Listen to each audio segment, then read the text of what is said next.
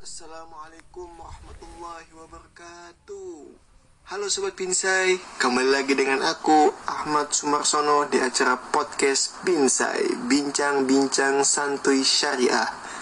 Kali ini guys kita akan lanjutkan podcast dengan tema Narasi perbankan syariah bagi pemuda milenial. Wah sangat wow banget dengan tema kali ini ya Hari ini kita sudah kedatangan tamu yang spesial, yang istimewa dah pokoknya yaitu dosen dari perbankan syariah sendiri yaitu Bapak Abdullah Syakur Novianto SEMM.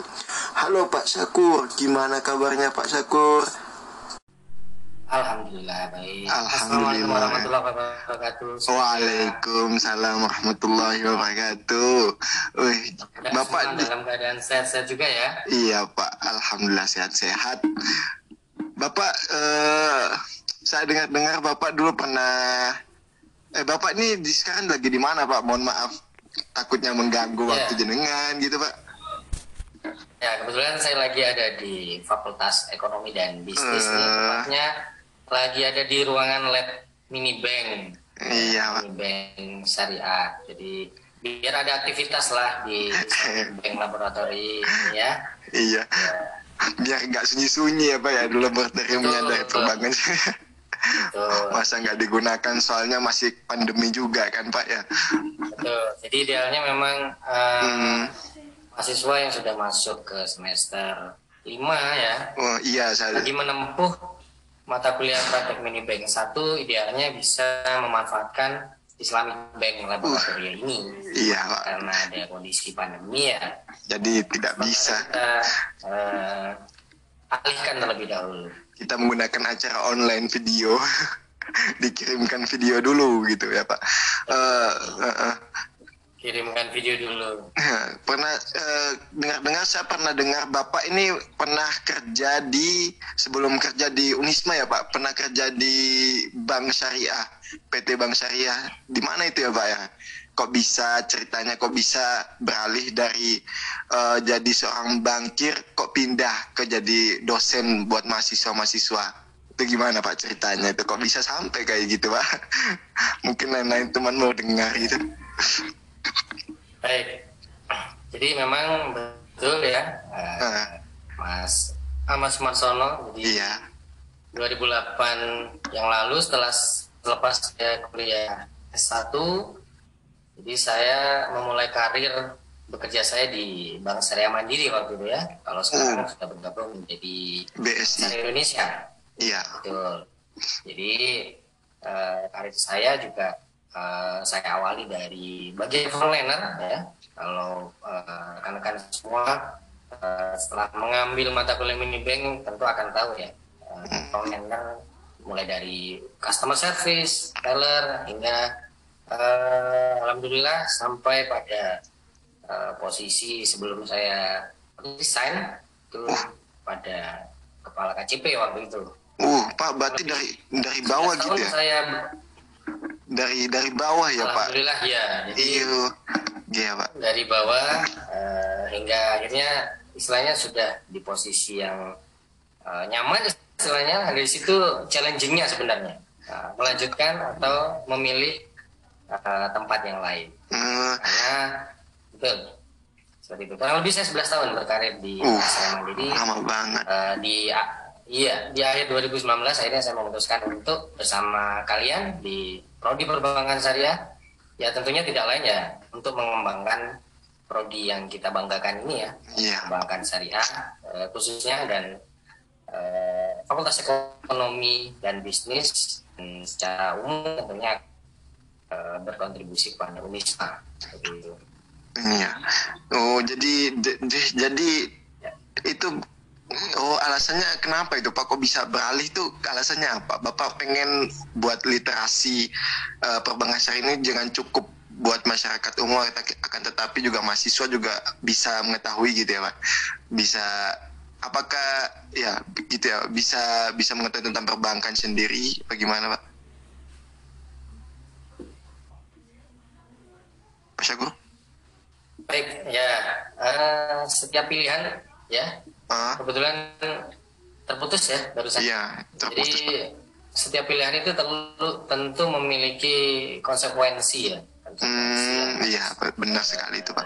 di, di, diambil ya. Jadi eh suara saya bisa terdengar? Apa, Pak? Halo? Halo, Pak. Saya Bisa dengar. Bisa, Pak.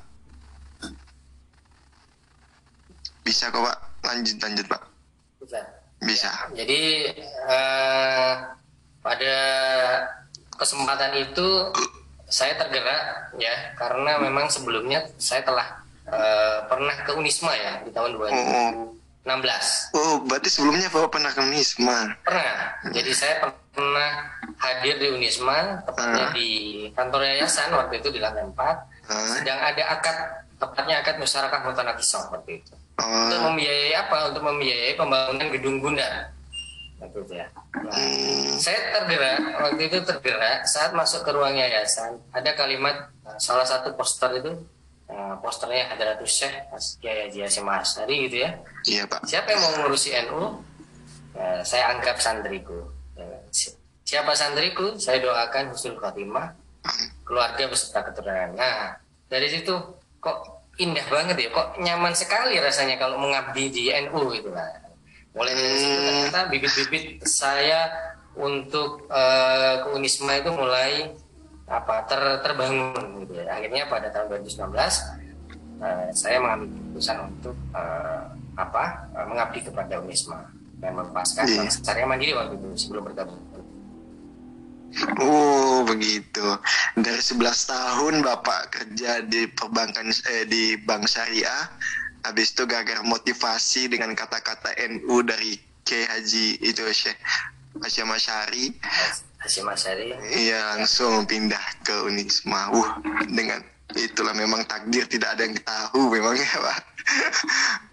hmm, bagus banget Pak kisahnya. Dari motivasi cuma motivasi kata-kata yang taruh di tembok gitu ya Pak sampai bisa pindah. Eh apa namanya Pak? Eh baik selanjutnya ya udah kita sudah bahas tentang Bapak dulu kok bisa pindah dari perbankan eh dari bank dari kerjanya bank sampai pindah jadi dosen. Selanjutnya ya kita masuk ke lanjut ke tema yang yang intinya ya Pak. Masuk ke tema intinya silakan eh, kita bincang-bincang santai aja tentang syariah. Eh, sedikit menjelaskan tentang tema tersebut. Selanjutnya kita lanjut ke pertanyaan gitu ya. Eh, kan temanya tentang narasi perbankan syariah bagi pemuda milenial. Bagaimana tanggapan Bapak tentang narasi perbankan syariah bagi pemuda milenial nih, bagi pemuda-pemuda nih, Pak? Bagaimana tanggapan Bapak? narasi kan kayak narasi itu kan kayak apa pak? Eh eh, pemberitahuan ya? Buat buat kalangan Ya, pemuda. baik. coba monggo pak jelaskan. Ya. Sambil santuy.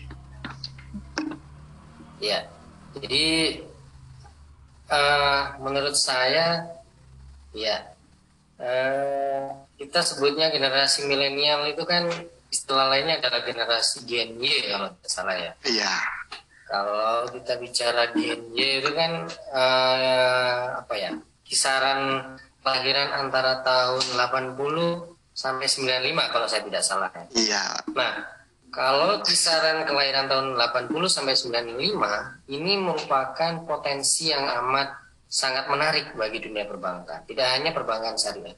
Nah, kita asumsikan saja untuk tahun ini saja berarti kalau kisaran kelahiran tahun 80 uh, sampai dengan tahun 95 berarti itu berada di usia sekitar 26 sampai dengan 40-an kurang lebih. iya Nah. betul sekali pak usia-usia ini merupakan usia-usia produktif sekali gitu ya usia produktif sekali di mana hmm, eh, selain usia produktif usia eh, di kalangan antara 26 sampai 40 tahun ini usia di mana saat proses kematangan dalam berkarir.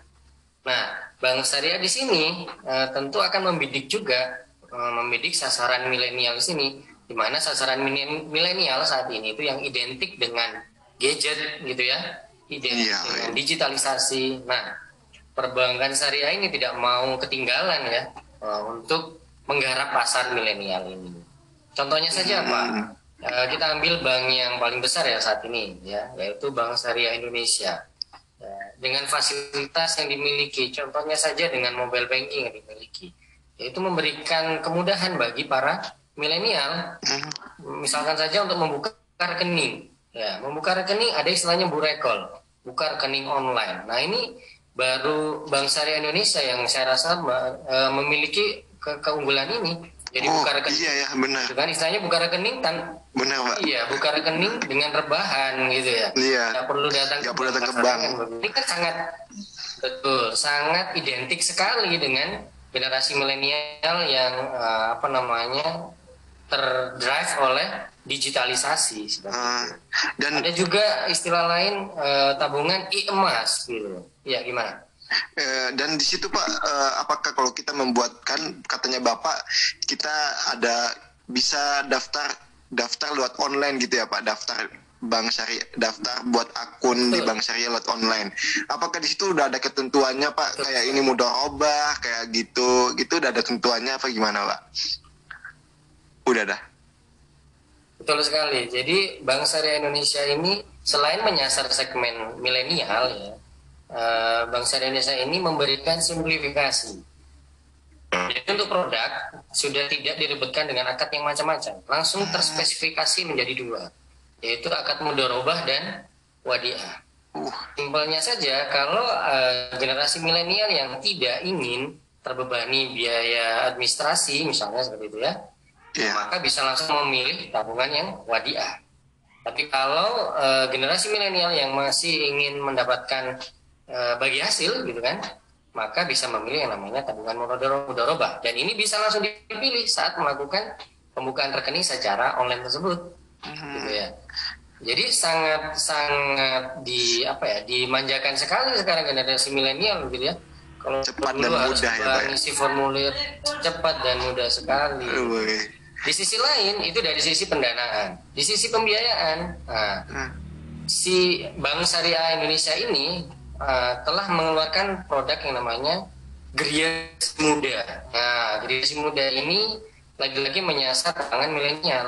Ya, jadi saya sampaikan tadi di awal usia 26 sampai 41, 40, 41 ini merupakan usia-usia uh, posisi saat uh, berkarir di posisi yang tengah-tengah gitu ya. Mungkin ada juga yang sudah yeah. manajer gitu ada atau yang sedang memulai karirnya. Nah, iya, Pak pembiayaan yang disalurkan oleh Bank Syariah Indonesia ini itu sangat cocok. Kenapa? Dia memiliki angsuran yang sifatnya fleksibel.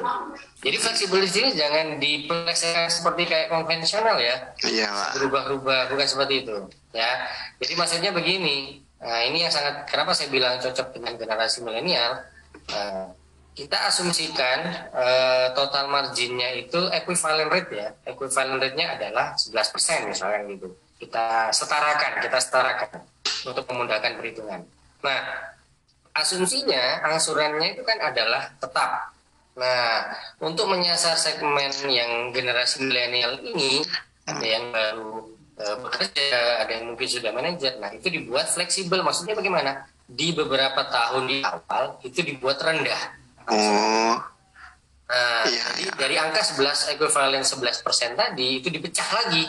Misalnya lima tahun pertama dibuat setara 6 persen, baru nanti sisanya dibuat uh, setara 11 persen. Nah, hmm. ini kan hmm. salah satu strategi uh, bahwasanya bank syariah ini juga apa namanya merupakan solusi gitu kan, solusi bagi generasi milenial. Dan jangka waktunya bisa sampai 30 tahun gitu Jadi jangan salah gitu ya. Bagi generasi milenial, Bank Syariah itu merupakan one stop service. Anda minta apa, pasti akan terlayani gitu. Iya. seperti itu.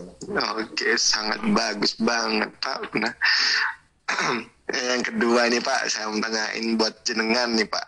Uh, pertanyaan kedua, menurut pandangan Bapak atau tanggapan Bapak dah kan di Indonesia ini kan Pak ya banyak itu masyarakat Muslim atau populasi masyarakat Muslim beragama Islam tuh banyak banget deh Pak.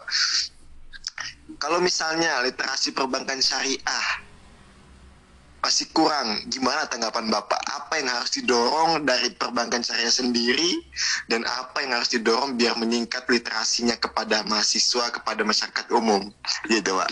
Sedangkan di Indonesia ini banyak banget uh, masyarakat, eh, iya masyarakat yang beragama Islam, gitu Pak.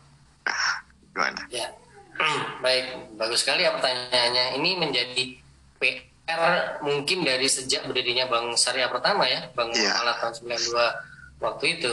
Nah, jadi apa yang harus dikerjakan? Ya, eh, yang pertama tentu seperti yang dilakukan oleh pemerintah saat ini ya, melakukan mega merger, bukan hanya merger biasa ya, tapi mega merger. Apa itu, Pak? Karena mega merger itu apa yang dilakukan Bank Syariah Indonesia sekarang? Ya, hmm. menggabungkan tiga bank menjadi oh, satu, mega merger. Oh, itu namanya mega merger. ya. ya.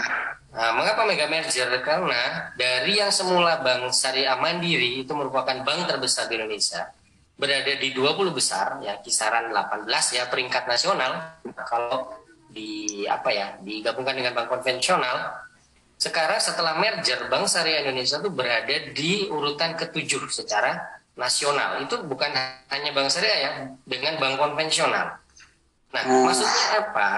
Dengan adanya mega merger ini, otomatis cabang-cabang yang belum dimiliki oleh Bank Syariah Mandiri, tapi dimiliki oleh Bank BRI Syariah misalnya seperti itu ya, itu sekarang menjadi satu. Cabang yang dimiliki BNI Syariah itu juga menjadi satu kesatuan. Otomatis apa? Ini akan lebih menyasar ke daerah-daerah yang belum ada bank syariah. Itu satu yang pertama ya. Jadi literasi itu dilakukan dengan cara Pak salah satunya yaitu uh, ekspansi outlet ya.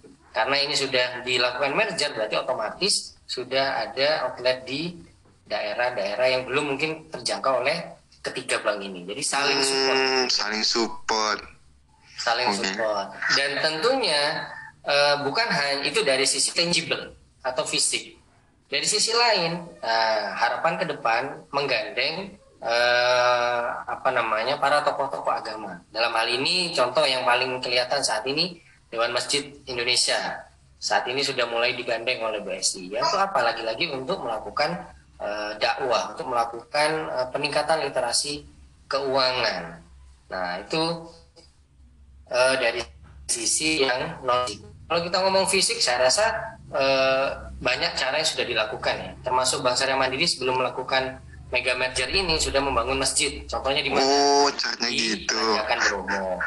Ya, di Penanjakan Bromo itu kan sudah ada namanya dulu namanya musola Syariah Mandiri di tol Cipali itu kan ada oh. masjid. Nah, itu kan juga salah satu untuk meningkatkan ya, meningkatkan uh, pengetahuan oh ini loh jadi bank syariah itu kasarnya bukan hanya bank ngurusi haji saja. Gitu. Oh iya pak. Ya ada ada sisi lainnya nah, seperti itu.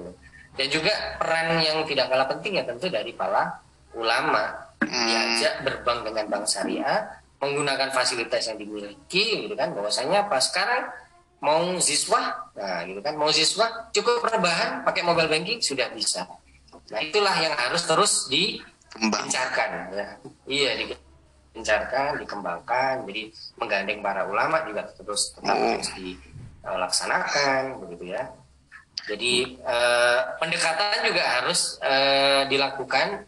Bukan zamannya lagi bunga itu halal atau haram sekarang. Ya. Iya. Adalah digitalisasi. Ya, zamannya digitalisasi. Kemanfaatan apa yang kira-kira bisa didapatkan oleh bank syariah? Ya. Dengan adanya eh, bank terbesar ini, bank syariah Indonesia ini ya, ya kita ketahui bersama fasilitasnya sudah cukup lengkap seperti tadi saya bilang ya mau siswa bayar siswa dengan rebahan bisa mau bayar e-commerce Tokopedia ya eh, Bukalapak Shopee dan sebagainya dengan rebahan pakai mobile banking juga bisa jadi sudah tidak uh, kalah bersaing dengan bank konvensional. Hmm. itu yang harus terus dikembangkan. Bagus sekali bapak. Uh keren keren keren. Berarti perbankan syariah sendiri memang harus dikembangkan biar masyarakat tuh tahu harus dikembangkan betul. Tahu itu istilah saya bang Ya, istilah Mereka- saya itu Bang Syariah itu one stop service. Kalian mau apa, semua ada di Bang Syariah. Woi, nah, wena, mas stop service. Ya, one stop service untuk finansial ya. Kebanyakan kan orang bilang gini, perbankan syariah sama aja kayak konvensional ada bunganya. Pasti ngomongnya gitu kan, pasti orangnya. Orang-orang masyarakat yang nggak tahu tentang itu perbankan syariah pasti ngomongnya langsung ceplas-ceplos ngomong sama aja sama aja. Kebanyakan gitu. Betul, itu karena belum coba. Belum coba, Gitu. belum coba memang. belum coba bagaimana dari sisi pembiayaan yang angsurannya tetap bahkan Ah. ada diskon margin kalau melunasi Iya. sebelum jatuh tempo lah Ah. gitu enak apa coba? ya Ada udah 26 menit nih Pak. Waduh, takutnya mati tiba-tiba. Oke, makasih Bapak tentang tanggapan Bapak, tentang cerita menarik Bapak, tentang semua tentang kehidupan Bapak juga. Dari kehidupan kita pindah ke pertanyaan perbankan. Uh, sangat menarik sih Bapak. Bapak is the best sih. Harus bangga sih kita kalau kita kalau maksudnya mahasiswa juga kita harus bangga kalau kita apa namanya ngambil jurusan perbankan nih kan ke depannya harus juga bangga betul harus- harus, bangga ke depannya dia akan berkembang pesat ini perbankan syariah. Betul. Ya kalau bukan kalian siapa lagi nanti Iya, pemudanya siapa lagi? syariah. benar sekali bapak. Oke. Em, mungkin itu aja bapak ya? Baik. Eh, ya, mungkin itu aja saya- deh teman-teman. Bapak mau akhiri dulu Eh, saya rasa cukup kalau memang sudah tidak kata motivasi dong pak. Kata motivasi. lagi. kata motivasi dua dong pak buat anak perbankan dan masyarakat yang dengar tentang ini. Motivasi berapa? Kata motivasi Ah. saya ya ya teruslah eh, berjuang ya di prodi perbankan syariah ini. Karena Hmm. kalau bukan kalian siapa lagi yang akan eh, menjadi Wait, eh, penerus generasi perbankan syariah sangat sangat wina, wina, wina. Oke, mungkin itu saja ya Pak ya yang dapat kita bahas hari ini ya Pak. Kalau ada salahnya, sa- kalau ada salah kata atau ada yang menyinggung teman-teman, kita mohon maaf. Saya mewakili bapaknya juga dan kalau ada saran bisa disampaikan di kolom komentar. Oke, see you, sampai jumpa. Eh, terima kasih